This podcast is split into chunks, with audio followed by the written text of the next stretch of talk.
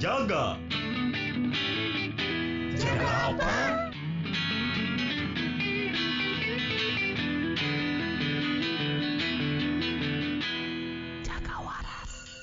kita teh belum punya apa istilahnya ya eh istilahnya satu data gitu Hmm. untuk untuk penduduk Indonesia teh kita cuma punya satu data aja udah itu gitu Ya, ya, ya, ya. terintegrasi lah segala macamnya teh ke situ gitu Iya, benar, benar, eh, nomor KTP SIM dan segala macam Hmm. jadi kalau misalkan kita lihat data di Kemenkes teh belum tentu sama dengan data yang ada di eh, Mendagri misalkan Oh. di Sdukcapil Iya. Apalagi sama Kemensos misalnya ya. Heeh, Iya, kalau apalagi Kemensos itu akan beda lagi DTKS beda gitu.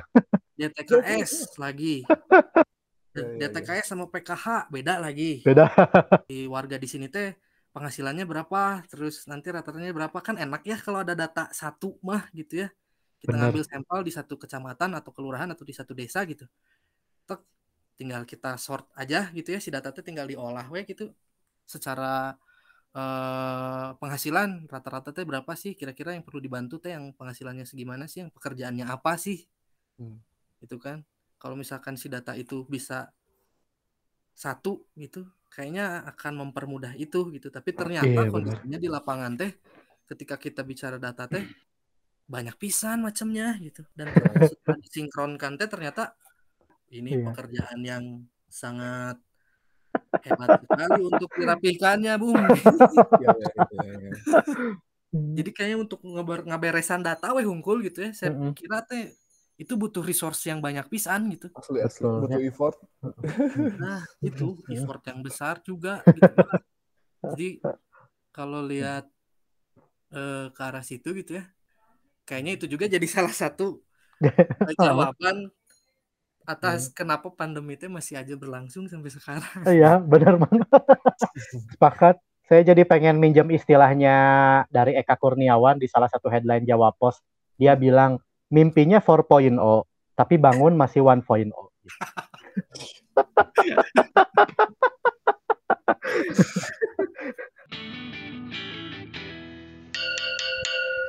Pemerintah kan udah netapin nih terakhir eh, PPKM Mikro 3 sampai 20 Juli kalau nggak salah atau 2 ya, 2 sampai Dua. 20 Juli. Ah, Nah, pokoknya sampai tanggal 20 Juli Jawa dan Bali itu benar-benar dibatasi aksesnya baik itu mall, Hmm. baik itu perkantoran, baik itu dunia usaha.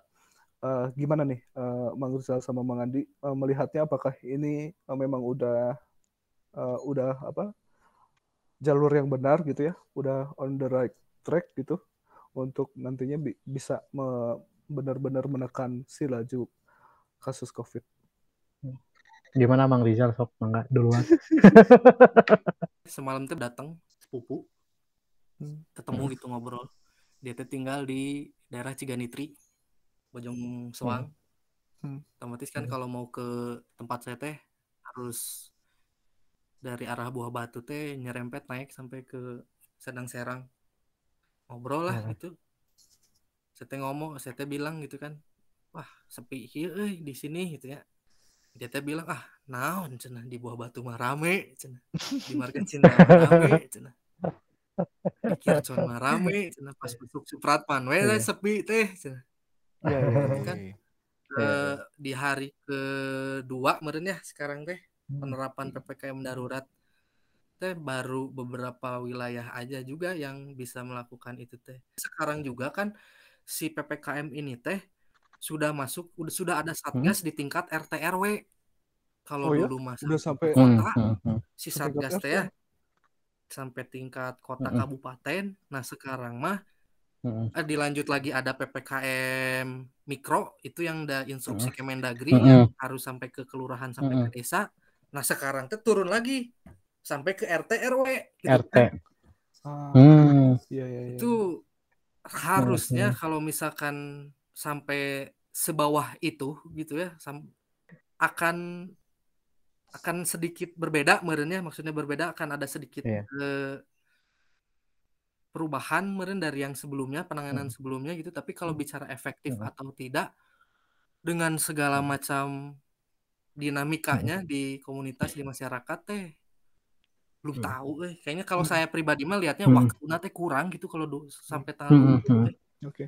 Kalau bisa mah bulat sebulan aja gitulah itu sih mungkin Nah. kalau dari saya mah ya mungkin Mang Andi gimana Siap. Bang.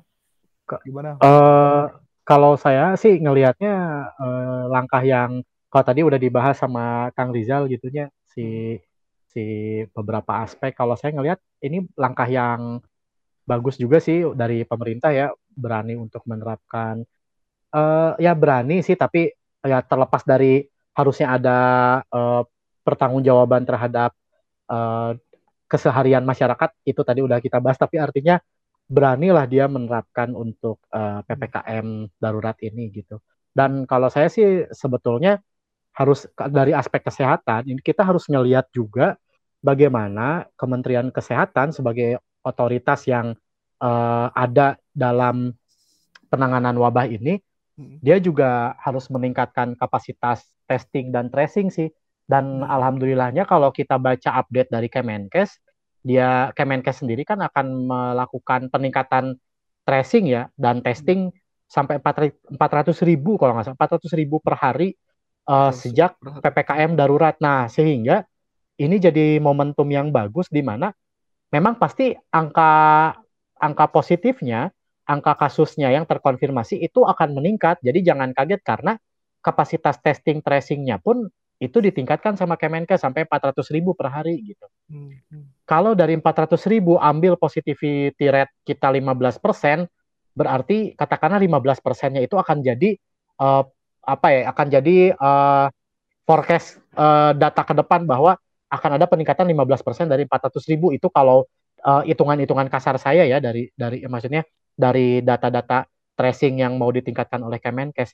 Nah, jadi pemerintah melakukan PPKM darurat, eh, Kemenkes melakukan kapasitas testing dan tracing itu udah udah menggembirakan sih kalau menurut saya gitu. Ini udah eh, kalau tadi Kang Jeffrey bilang apakah ini di jalur yang tepat? Ya ini udah mulai masuk gang nu bener gitu ya. Sigana mual-mual nyasar ya diharap teh tinggal ke diharap ayah simpangan kiri kanan tinggal pilih nu mana nah, maksudnya udah udah udah menuju jalur yang benar gitu. Nah, tinggal eh satu sisi lagi tadi menanggapi Kang Rizal bener Kang udah ada per RT ya sekarang ya dan juga sebetulnya di aspek kesehatan itu kita juga sudah punya RW siaga sih. Jadi saya harap sih memang eh, RW siaga ini juga bisa dimanfaatkan kembali untuk mendata secara eh, komunal gitu siapa saja masyarakat di RW atau RT-nya sendiri yang memang belum eh, lagi isoman tapi tidak mendapatkan eh, belum belum bisa mengakses kebutuhan pribadi seperti makanan dan lain-lain. Nah, Hmm. itu juga perlu di- ditingkatkan kemampuan itu dan juga ada beberapa kolektif lain ya seperti kawan-kawan di Solidaritas Sosial Bandung itu juga mereka udah bergerak di wilayah Antapani eh, untuk memberikan sembako dan eh, mereka masak bikin dapur umum juga eh, tapi dengan eh, jumlah yang jumlah yang masaknya tentunya tidak bisa banyak-banyak. Jadi eh, mereka sementara ini menyediakan sembako eh, untuk beberapa jejaring yang memang eh, sedang isoman dan tidak bisa mengakses kebutuhan sehari-harinya. Jadi Hmm. jadi eh, ya kita juga sadar sih sebagai publik gitu ya tidak bisa terus terus menerus eh, meng, apa mengobjektifikasi pemerintah sebagai pihak yang abai gitu. Tapi ya udahlah pemerintah yang abai mah engke dewe urusana gitu beres pandemi hayu orang kritik deh gitu Ya, ya. sekarang mah ya udah ayah dulur ada solidaritas ada eh, RT udah eh, aktif kewilayahan di kecamatan udah memberikan inisiatif yang baik kota udah memberikan eh, apa udah memberikan jalurnya Kemenkes udah mau siap diajak eh, gelut gitunya meningkatkan tracing sampai 400 ribu ya udah itu kayaknya momentum yang menurut saya udah bagus sih. Kalau saya sih lebih cenderung eh, optimis gitu ya. Hmm. hanya memang eh, tadi kata Kang Rizal bener sih agak agak takutnya rada singkat gitunya Kang ya. Kalau 3 sampai 20 coba aja sampai eh, akhir bulan gitu mengikuti eh, panduan. Kenapa sampai akhir bulan? Ya didasarkan pada panduan aja panduan kesehatan ya. Misalnya isoman. Anggaplah dari PPKM itu ada orang yang isoman selama 10 hari tapi dia bergejala ditambah jadi misalnya 3 sampai 4 hari. Nah, dia punya waktu 14 hari. 14 hari lagi dia punya waktu untuk eh melihat gejala-gejalanya apakah masih muncul atau tidak. Nah, gitu sih. Itu didasarkan pada itu gitu. Jadi oh, kayaknya harus diperpanjang gitu, Mang. Ya, ya. Gitu. Kalau kata Mang Jeffrey gimana nih, Mang? Kira-kira nih. Uh, kalau saya sebetulnya saya cenderung optimis juga sih, Mang. Tapi sebetulnya uh, terlepas dari optimis atau enggak pesi uh, atau pesimis, saya mikir memang ppkm mikro ini harus dicoba gitu. Uh, dengan kondisi hmm. yang ada ya, uh, ini menurut saya udah uh, udah ke jalur yang benar lah gitu. Hmm. Walaupun di di apa di pelaksanaannya menurut saya sih semua unit dan itu kan biasanya lintas ya mang lintas hmm. apa lintas instansi mereka memang harus benar-benar uh, kerjasama gitu ya hmm. karena misalnya di Bandung nih nggak tahu uh, mungkin warga Jagawaras ada yang pernah lewat DU gitu malam-malam uh, itu tuh ada mang si blokade jalan blokade hmm. jalan dengan art artinya ketika si jalan itu blokade yang di depan Unpad tuh di Pati Ukur hmm dengan adanya blokade berarti orang-orang itu eh, nggak bisa lewat situ kan harusnya. Nah ini mah ada yang dibukain mah sama tahu lah sama sama uh, orang-orang tertentu atau hmm. oknum tertentu dan uh, saya pernah melihat juga mobil yang mau lewat itu dibukain dan uh, si orang yang ngebukain ini akhirnya dapat duit gitu. Duit. Nah itu maksudnya uh, malah jadinya uh, sesuatu yang aduh harusnya nggak kayak gini. Uh, dan terlepas dari situ sebetulnya saya nggak setuju juga sih sama si pemblokade jalan gitu. Mm. Karena yeah. ya yang ada jadi si ruas jalan yang ada di kota Bandung itu jadi sangat terbatas malah kita jadi lebih sering ketemu sama orang lain gitu kan. Mm -hmm. Benar-benarnya. Uh. Jadi malah makin macet ya bang ya. Itulah. Itu sih ya, berarti kurang lebih kenapa pandemi masih tetap berlalu tuh ya karena mungkin kondisinya itu ya. Uh, iya. Yang tadi kita obrolin gitu ya. Iya. Tapi ada lagi sih yang belum capture gitu sama kita. Ada bang, hal -hal itu yang... yang teori konspirasi. Nah, itu, itu benar Aduh. Kayaknya kita sengaja ya. Sebenarnya kita sadar itu tuh belum dibahas, cuma sengaja di sengaja di akhir gitu. akhir. aja.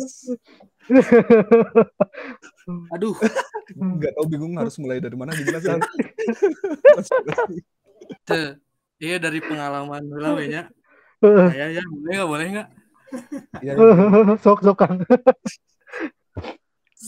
Tahun 2008 teh saya teh baru pas bapak saya dulu baru pasang internet di rumah. Speedy. Hmm. Dulu teh speed dengan 512 kilobyte per second. Oh, tapi itu 2008 lumayan loh, Zal. ya lumayan itu. Uh, lumayan. Uh, operating system teh masih pakai Windows XP nah. itu. Situs nu paling kurang resep datangi teh Kaskus. Dengan ya, ya, berbagai ya. macam forumnya di situ gitu ya. Ya ya ya ya ya. ya. Dan ada forum di si Kaskus teh tentang teori konspirasi. Ya, ya loba pisan eta subtopik nanti di salah satu forum anu minum urang baca oge di tahun netanya 2008 dulu menarik pisan gitu untuk orang saat itu hmm. gitu ya setelah set sini sini sini sini sini gitu ya. Cir naon sih itu sebenarnya gitu. Ketika tapi bang dulu bang dulu dulu ninggalin ya. Ahmad Dhani oge tuh bang nu Ahmad Dhani Dewa 18 ya nu teori-teori nasi Dewa de Ahmad Dhani nih. Dia budak Anjir, Illuminati. Kalau eh kasih sih ada orang tidak tidak tidak baca itu tapi baca itu ayat ayat super Cing Ahmad terus terus bang lanjut. nah itu gitu. Nah di situ teh rasa me, apa ya rasa yang ada saat itu gitu ya maksudnya kenapa ada keinginan untuk baca si teori konspirasi itu teh karena apa ya ari saya dulu melihat itu teh sesuatu yang anjing keren ya eh. Iya, iya. jelema ya, apa ya. yuk dan orang hungkul nu nyaho eh. megang rahasia dunia eh. Pada saat itu ya. Rahasia dunia. Ngeri pisan ya. Kan itu awal-awal kuliah ya 2008 itu pertama bisa masuk ya. Sejalan pas kampus gitu kan sering diskusi sama temen terus ngobrol sana sini baca ini itu segala macam gitu ketika lupa lah si teori konspirasi itu teh Uh-huh. gitu ya. Hmm. Jadi di fokus di kaskusnya jadi fokus FJB saat itu teh. di forum pas di suatu waktu gitu ya 2016 gitu. Baca lagi itu gitu. Si teori konspirasi itu. Anjing. jadi jadi apa ya jadi ada rasa anjing orang baheula eh, maca nu kieu. Iya, iya, iya, iya. itu gitu saat itu. Iya. terus sekarang muncul lagi di era pandemi ini teh jadi melihat saya di saat itu gitu di 2008 Kembali ke ketika lihat 13 tahun orang yang itu lalu. semangat membahas itu teh gitu. Iya. kan sehingga baca Hmm. balasan-balasan di forum teori konspirasi di Kaskus eta tadi gitu kan. Wah Uh, dengan secara pengetotannya dengan secara pemikiran dan opininya masing-masing teh dengan Hmm. sumber tepugu da urang ge harita tepugu oke sumberna di mana? Ya, ya, ya, ya, ya. gitu kan. Orang Jadi sam ngeliat thread itu. anu Bareto salah satu thread yang heboh itu yang ini ramalan suku Maya akhir 2012 Ah, itu. kiamat. Iya, Anjir, benar. eta dunia dibagi Terus- baktum dan lain-lain Terus aya filmnya langsungnya nu Iya, iya, 2012 iya, iya. nih. Oh, ya, Oh, ya. Tapi orang sempat deg-degan sih ya eta bener anjir 2012 bener kitunya rek paeh. Bener bener. Seru, seru Orangnya sempat iya bener sempat takut aceh sih ya, mendekati akhir zaman Heeh. Kan, Terus, nah kalau lihat ke kondisi sekarang gitu ya, si narasi-narasi nanti mirip gitu seperti yang saya Iya. baca pada tahun itu gitu. Gimana, Bang Jeffrey gimana, Bang? Mungkin kita bertiga kayaknya pernah-pernah baca juga ya. Pasti Ya, pernah bukan kita terjebak lah ya. jadi pas seumuran terus Eh. pasti masa remaja kita dihabiskan juga untuk membaca teori konspirasi lah yakinnya. betul betul. Pasti ada labil-labilnya emang ya. Haus informasi. Ya, harus informasi gitu. ya kalau saya sih mang nyikapin apa eh, be- berbagai teori konspirasi itu ya memang eh, kalau ketertarikan saya sekarang sama yang zaman kaskus itu ya masih kurang lebih sama sih cuman mungkin bedanya sekarang sama zaman dulu kalau zaman dulu mungkin daya filternya teh masih terbatas gitu ya kalau Iya. sekarang saya coba lebih eh, coba filternya teh ya lebih pede lah gitu ya emang maksudnya mengkritisi si informasi ini teh kira-kira benar atau enggak dan uh, untuk COVID saya terlepas uh, kalau saya sih nggak masalah ya orang itu Hmm. mau percaya uh, akan teori konspirasi di balik adanya uh, pandemi COVID atau enggak cuman lebih dari situ sih saya uh, uh, ber, uh, yakin gitu uh, ya udah kalau kamu misalnya tetap percaya teori konspirasi tapi jangan sampai membahayakan kita orang-orang yang ada di sekitarnya karena Ya sih bener. ketika kita dirugikan sama si orang itu ya nanti kita bakalan menjadi apa eh, apa bisa bisa jadi kemungkinan besar kita bakal membahayakan orang-orang yang ada di sekitar kita juga misalnya di rumah. Iya. Nah itu sih yang apa eh, sering juga diobrolin sama teman gitu. Yang geus mana Mhm. percaya eh, konspirasi yang geus tapi Mhm. orang terdaik beda orang ngobrol jeung maneh ayeuna orang benang covid di maneh gitu kurang lebih gitu. Iya, iya, iya. Tapi ini emangnya, eh, eh emang udah bang, orang coba nyambungin tadi karena kalau kata Bang Rizal di awal itu kan terkait literasi tehnya emangnya. Mhm. Karena mungkin bisa jadi ini masih dugaan sih. Hmm. Kayaknya memang konspirasi teh oh, apa kegemaran kita terhadap teori konspirasi atau mungkin kegemaran sebagian masyarakat yang lain itu karena mungkin eh, entah entah terkait eh, kemampuan literasinya seperti apa. Jadi karena kan teori konspirasi itu ketika kita baca ya kita langsung percaya aja tanpa kita harus eh, ada autokritik terhadap teori itu kita Hmm. mencari referensi dari jurnal yang terlegitimate gitu atau dari beberapa riset dan lain-lain data valid dan lain-lain karena mungkin mereka eh, apa ya istilah jalan pintasnya tuh tidak melalui itu jadi tok langsung ke teori konspirasi udah kelar dan itu dianggap sebagai satu hal yang valid. Ditambah di teori konspirasi itu muncul nabi-nabi baru kan ya. Artinya tokoh-tokoh baru yang oh iya gua pendukung eh, ini Si A, pendukung si B, ini. Si oh iya si A si B ya orang percaya dan lain-lain. Artinya ya di jadi nabi-nabi baru untuk teori konspirasi saat ini gitu ya jadi artinya ya itu sangat hidup dengan kondisi kita di dengan tingkat literasi yang ya masih kalau tadi Kang Rizal menjelaskan fenomenanya seperti itu, kita malas baca, malas mencari tahu, malas mencari referensi valid dan lain-lainnya, ya jadi artinya teori konspirasi jadi uh, apa mak kue yang enak gitu untuk kita cemilin terus gitunya. Kayaknya ya, tuh ya, gitu ya, sih. Ayah Nokia tamangka.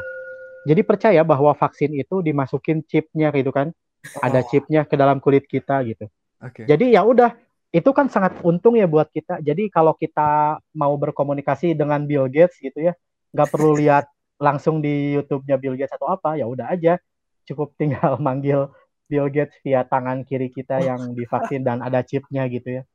Saya pengen nyobain karena saya belum divaksin ya Bang ya. Oh, belum. Saya karena penyintas jadi harus oh, iya. nunggu dulu tiga bulan ya. dulu. Uh -huh. Saya mau nyobain itu, jadi mau nyobain. Halo halo Bill Gates, apakah kamu di iya. sana gitu ya ketika setelah saya bahasa Sunda tuh ya emang nah eta lah jadi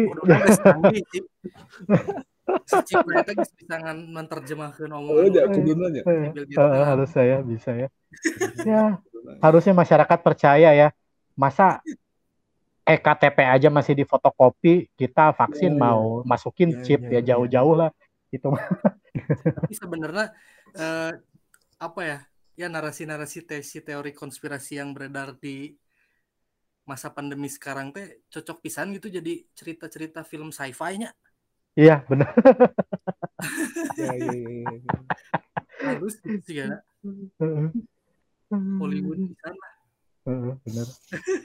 Tapi gini sih apa maksudnya ya konspirasi ini kalau menurut orang juga nggak muncul begitu saja sebagai satu teori ya. Artinya ada ketidakpercayaan publik ini yang orang baca ya. ada ketidakpercayaan publik terhadap otoritas penyelenggaraan negara lah katakanlah pemerintah gitu hmm. dan juga uh, terpolaris terpolarisasi uh, kubu-kubu politik itu gitu jadinya teh uh, untuk mengkanter narasi yang beredar saat ini terkait covid ketika ada ada pengkubu-kubuan itu kubu yang uh, berseberangan dengan uh, atau oposisi gitunya Hmm. dia mencari kantor-kantor sendiri tersebut dengan ya tadi dengan salah satunya salah satu pendekatannya teori konspirasi gitu hmm. yang orang baca karena kemarin sejak isoman orang bener nggak ada kerjaan kan ya orang nggak mau mikirin kerjaan. Jadi orang login ke Facebook hmm. kemudian cari teman-teman orang yang pro terhadap pemerintah.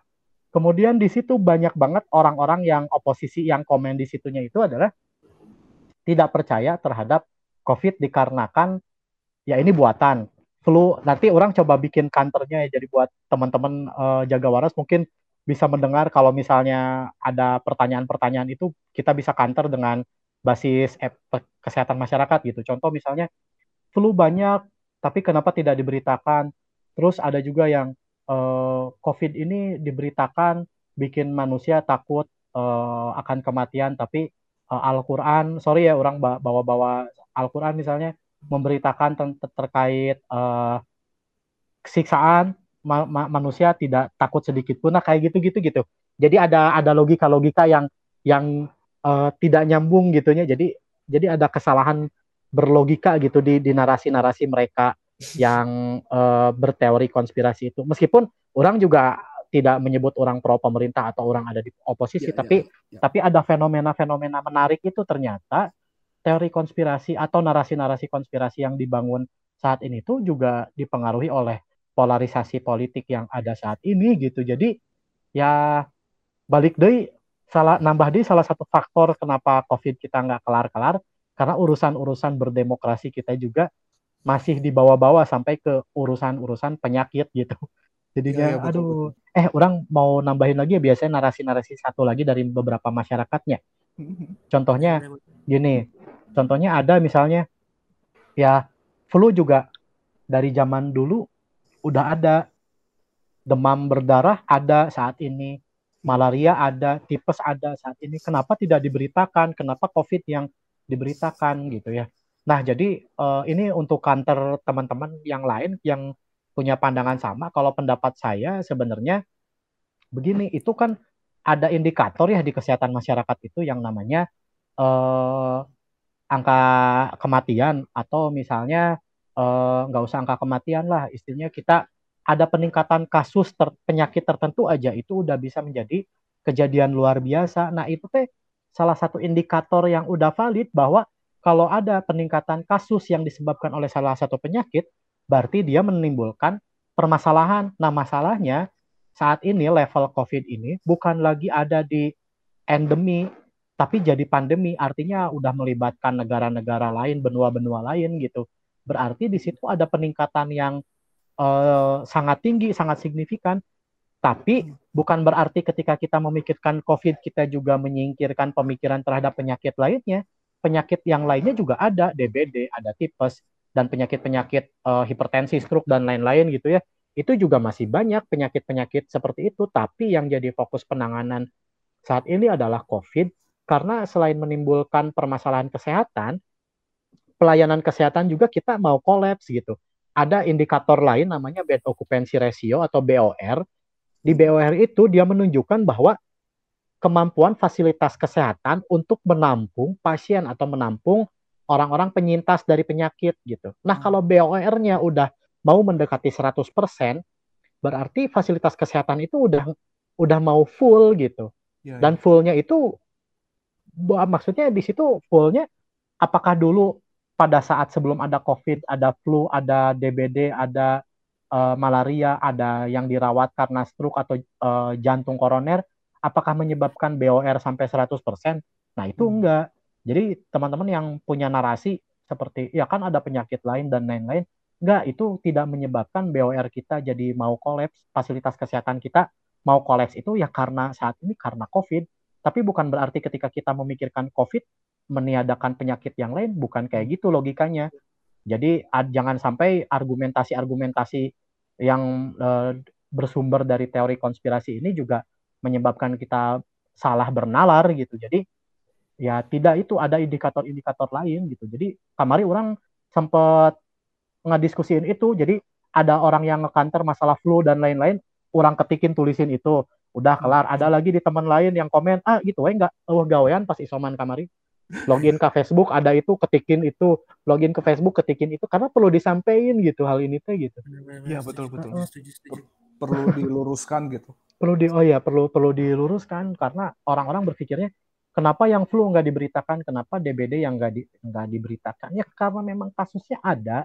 Diberitakan juga diberitakan. Bu, bu, bukawe misalkan uh, risetnya kesehatan masyarakat eh risetnya Kementerian Kesehatan terkait penyakit menular atau penyakit tropikal ya banyak di situ data-data dari puskesmas laporan-laporannya ada kok gitu. Bukan berarti kita jadi meniadakan penyakit-penyakit yang lainnya gitu. Tapi ya menandakan bahwa ini adalah hal yang urgent jadi maranete kudu memakai masker, kudu mengurangi kerumunan, kudu mengurangi mobilitas dan lain menjauhi kerumunan dan lain-lain. Nya 5M 5M nukar itu gitulah istilah nama. Hmm.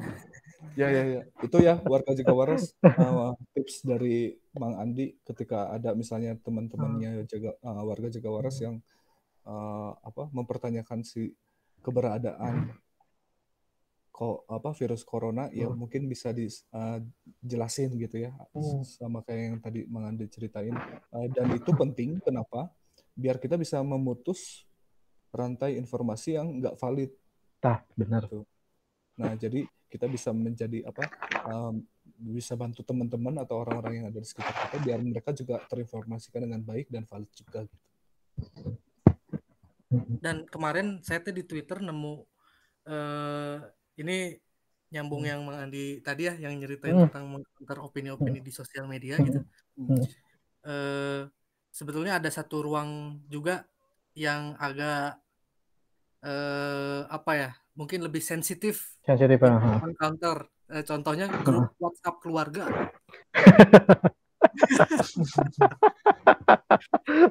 di situ informasi, ya, informasi ya, bener. liar beredar kalau saya lihat gitu ya. dan kemarin saya di Twitter gitu ya lagi scroll scroll gitu lihat ada satu tweet itu yang lumayan banyak like-nya sampai muncul di timeline saya teh dia teh ngasih tahu di situ uh, ya di grup keluarga lah ada hal-hal informasi-informasi uh, ada disinformasi gitu. Set, akhirnya dia teh melihat polanya mungkin ya si info-info tadi teh disebarkan melalui broadcast message teh ya. yang Mm-mm. si cara penulisan teh udah modelnya teh Oh. kayak gitu kan ada yang di Iya, bold iya. kayak. Se- akhirnya si orang itu teh bikin eh, broadcast message serupa dengan cara penulisan serupa buat dikirim ke grup keluarganya. Guys kasusnya teh saat itu teh bapaknya nggak mau vaksin. Oh. setelah si orang itu teh bikin broadcast message serupa tek, dibaca Hmm. merenya ke bapaknya teh. Di forward meren ke bapaknya teh. Wah, Mhm. beberapa saat setelah itu bapaknya mau vaksin. Hmm. itu keren oke sih untuk mengcounter cara salah satu cara untuk mengcounter Oh ya, misinformasi Mang Andi, yang Mang Andi ada eh, saran nggak buat teman-teman yang sampai sekarang masih eh, masih enggan untuk dapat vaksin? Eh, oh iya nih gini sih eh, vaksin itu penting ya. Jadi buat teman-teman gini apa harusnya ini dari dulu sih, cuman kan memang masih ada uji klinis dan uji-uji lainnya yang menyebabkan vaksin ini baru bisa beredar sekarang. Kalau ada kesempatan untuk vaksin, sekarang kan udah dipermudah tuh, tidak lagi menggunakan KTP, fotokopi KTP, fotokopi KK, nomor NIK dan lain-lain segala macam administrasi itu. Jadi kalian tinggal datang, tinggal vaksin, penting pisan. Nah, maksudnya bukan berarti ketika sudah divaksin ini bisa terbebas langsung dari COVID ya, tapi Hmm. artinya eh, dari ketika kita eh, terinfeksi oleh eh, COVID-19 ini, eh, at least gejala kita tidak akan separah orang-orang yang tidak divaksin gitu. Hmm. Nah, jadi eh, ada ada apa ya? Ada perlindungannya di situ gitu karena imunitasnya itu ditingkatkan melalui vaksin. Jadi juga yang harus diketahui nih ya, cara meningkatkan imunitas itu tidak lain tidak bukan melalui vaksin. Tidak ada sekarang kalau orang baca ya, tapi mungkin teman-teman boleh baca gitu. Eh, misalnya kayak jahe, kayak kunyit atau kayak vitamin, apakah itu bisa meningkatkan imunitas untuk kondisi spesifik menangkal virus COVID itu nggak bisa, nggak ada risetnya kalau yang saya baca mah gitu. Kalau meningkatkan an- autoimun atau antibody aja mah ada, tapi secara spesifik untuk menangkal virus COVID nggak ada. Ya, Hmm. Sela- eh, tidak lain tidak bukan adalah vaksin. Sok coba kita kita diskusi aja risetnya. Nggak ada misalnya eh, dengan berjemur misalnya dengan eh, minum vitamin dengan eh, konsumsi rempah dan lain-lain, empon-empon dan lain-lain, nggak ada secara spesifik terhadap COVID mah, tapi antibody yang lain mah ada gitu. Iya, Nah, iya. maksudnya dalam konteks COVID ini emang harus divaksin mau nggak mau gitu. Jadi teman-teman eh, kalau ada kesempatan untuk divaksin ya divaksin we gitu. Kalau menurut saya mah Dengan vaksin apa pun ya, Mang ya? dengan vaksin apa pun sih, karena gimana ya kalau untuk menjawab kok ada AstraZeneca Mm-mm. menghasilkan efek seperti ini, Sinovac menghasilkan efek kayak gini ya, itu ada namanya KIPI ya, kejadian ikutan pasca imunisasi. Jadi kejadian ikutan pasca imunisasi ini teh memang muncul di setiap tahapan imunisasi atau vaksin. Di anak kecil pun muncul. Si KIPI ini nah tinggal dilaporin aja ke dokter atau ke ya dokter sih baiknya ya. Jadi Ya, ya. konsultasiin uh, ada kejadian ikutan pasca imunisasinya itu seperti ini. Kalau nggak salah sekarang tuh ada hotline-nya juga deh di vaksin dari Kemenkes itu. Maksudnya kalau ada ke KIPI kejadian ikutan pasca imunisasi, ada ininya, ada ada uh, call center penanganannya kayak gimana. Jadi tinggal hubungin ke situ aja. Ya mudah-mudahan langsung kayaknya Hmm. memang sesuatu yang wajar juga ya, Mang ya? wajar Maksudnya sih KIPI itu. sekian persen dari misalnya dari Heeh. 100 ada ada misalnya satu atau dua atau tiga gitu ya sesuatu yang wajar juga mungkin Wajar KIPI itu. Eh, mungkin bagaimana badan kita bereaksi sama asupan yang dikasih sama vaksin itu ya mungkin beda-beda Hmm, juga ya hmm, hmm, bener. Karena ya logikanya kita dimasuki benda asing gitu kan yang langsung ada dalam tubuh kita, pasti tubuh kita pun harus beradaptasi dengan itu. Logika sederhananya mah gitu sih. Heeh. Oke, gitu ya warga Hmm. Jagawaras ketika ada kesempatan untuk vaksin langsung aja ambil mau itu Sinovac mau itu apa gitu Hmm. walaupun kemarin ada berita As- AstraZeneca sama Mm-mm. Pfizer ya katanya dia Mm-mm. lebih lebih apa dominan lebih lebih Ah, kuat untuk lebih efektif, ah. Delta tapi eh, balik lagi ya balik lagi eh, vaksin apa yang terbaik saat ini? Vaksin apa pun. Kalau misalkan masih ada yang eh, ingin didiskusikan, mungkin nanti teman-teman warga Jaga Waras tuh bisa ikut nimbrung gitu. Ya ya ya di oke obrolan ini. Mungkin nanti eh, opini-opininya atau pendapat-pendapatnya bisa disampaikan di twitternya Jaga Waras. Jeff ya? Ya, ya. Eh, Apa twitternya? Akunnya at jaga underscore-nya Zalnya. underscore Waras Oke. Eh, jadi akun Twitter sama Instagramnya eh, warga jaga waras bisa follow di at jaga jaga underscore w a r a s Oh siap. jaga underscore waras. Oke, jadi nanti eh, warga jaga waras bisa ngasih masukan pertanyaan atau ikut nimbrung juga gitu. Terus misalnya ada sesuatu yang masih belum dibahas di episode ini, bisa langsung aja sampaikan ke kita lewat itu Twitter. kalau kalau misalkan lihat page Twitter atau Instagramnya masih kosong melompong nggak apa-apa itu kita baru pindah eh belum dimasuk masukin barangnya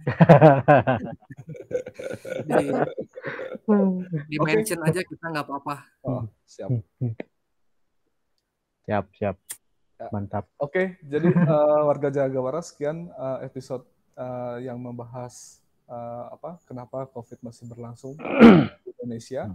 Em, stay safe, terus gunakan masker. Eh, terakhir itu kita disarankan dua dua lapis ya. Yang pertama itu Mm-mm. masker yang operasi emang ya. Iya, Di luarnya itu masker kain. kain. Eh, terus pakai masker kalau memang kalian terpaksa untuk keluar rumah tapi ketika eh, bisa tolong tetap di rumah terus em, support teman-teman kalian yang menjalankan usaha kecil menengah eh, apalagi yang teman-teman yang lagi apa terdampak covid misalnya di PHK dan mereka menjalankan usaha kita bisa support mereka eh, beli apa pun yang mungkin bisa ngebantu mereka untuk tetap bertahan hidup.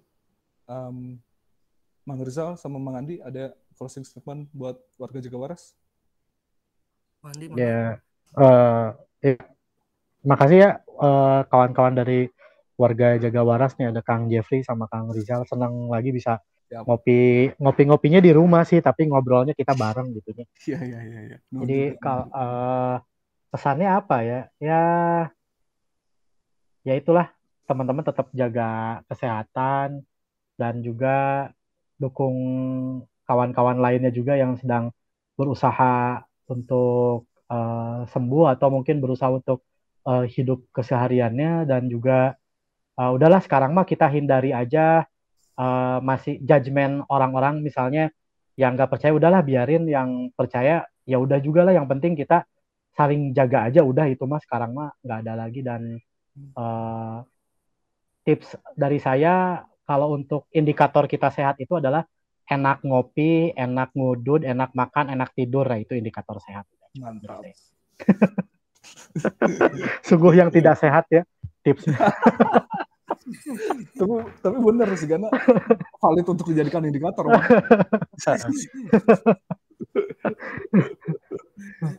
Yuk, Zal, gimana Zal? Ada pesan buat ya warga Waras? yang paling penting sih dirasanya itu untuk bisa tetap enak makan enak tidur dan segala macamnya Mang Andi ya, Bang. yang pasti mah dukungan support moral Hmm. itu yang paling penting juga sih Ya, keep ya, kontak lah sama orang-orang terdekat Iya. Oh iya, Gitu. betul, betul, betul. selain mungkin bisa tetap menjaga kewarasan Hmm. juga bisa mempererat tali silaturahmi itu deh Hmm. Buku. jadi betul, meskipun betul. kita dijauhkan oleh ppkm darurat kita tapi tetap dekat eh Iya, benar, benar, benar. itu sih Semangat, ya. semangat. Oke. Oke, gitu eh, warga Jaga Waras sekian episode tentang COVID. Ciao.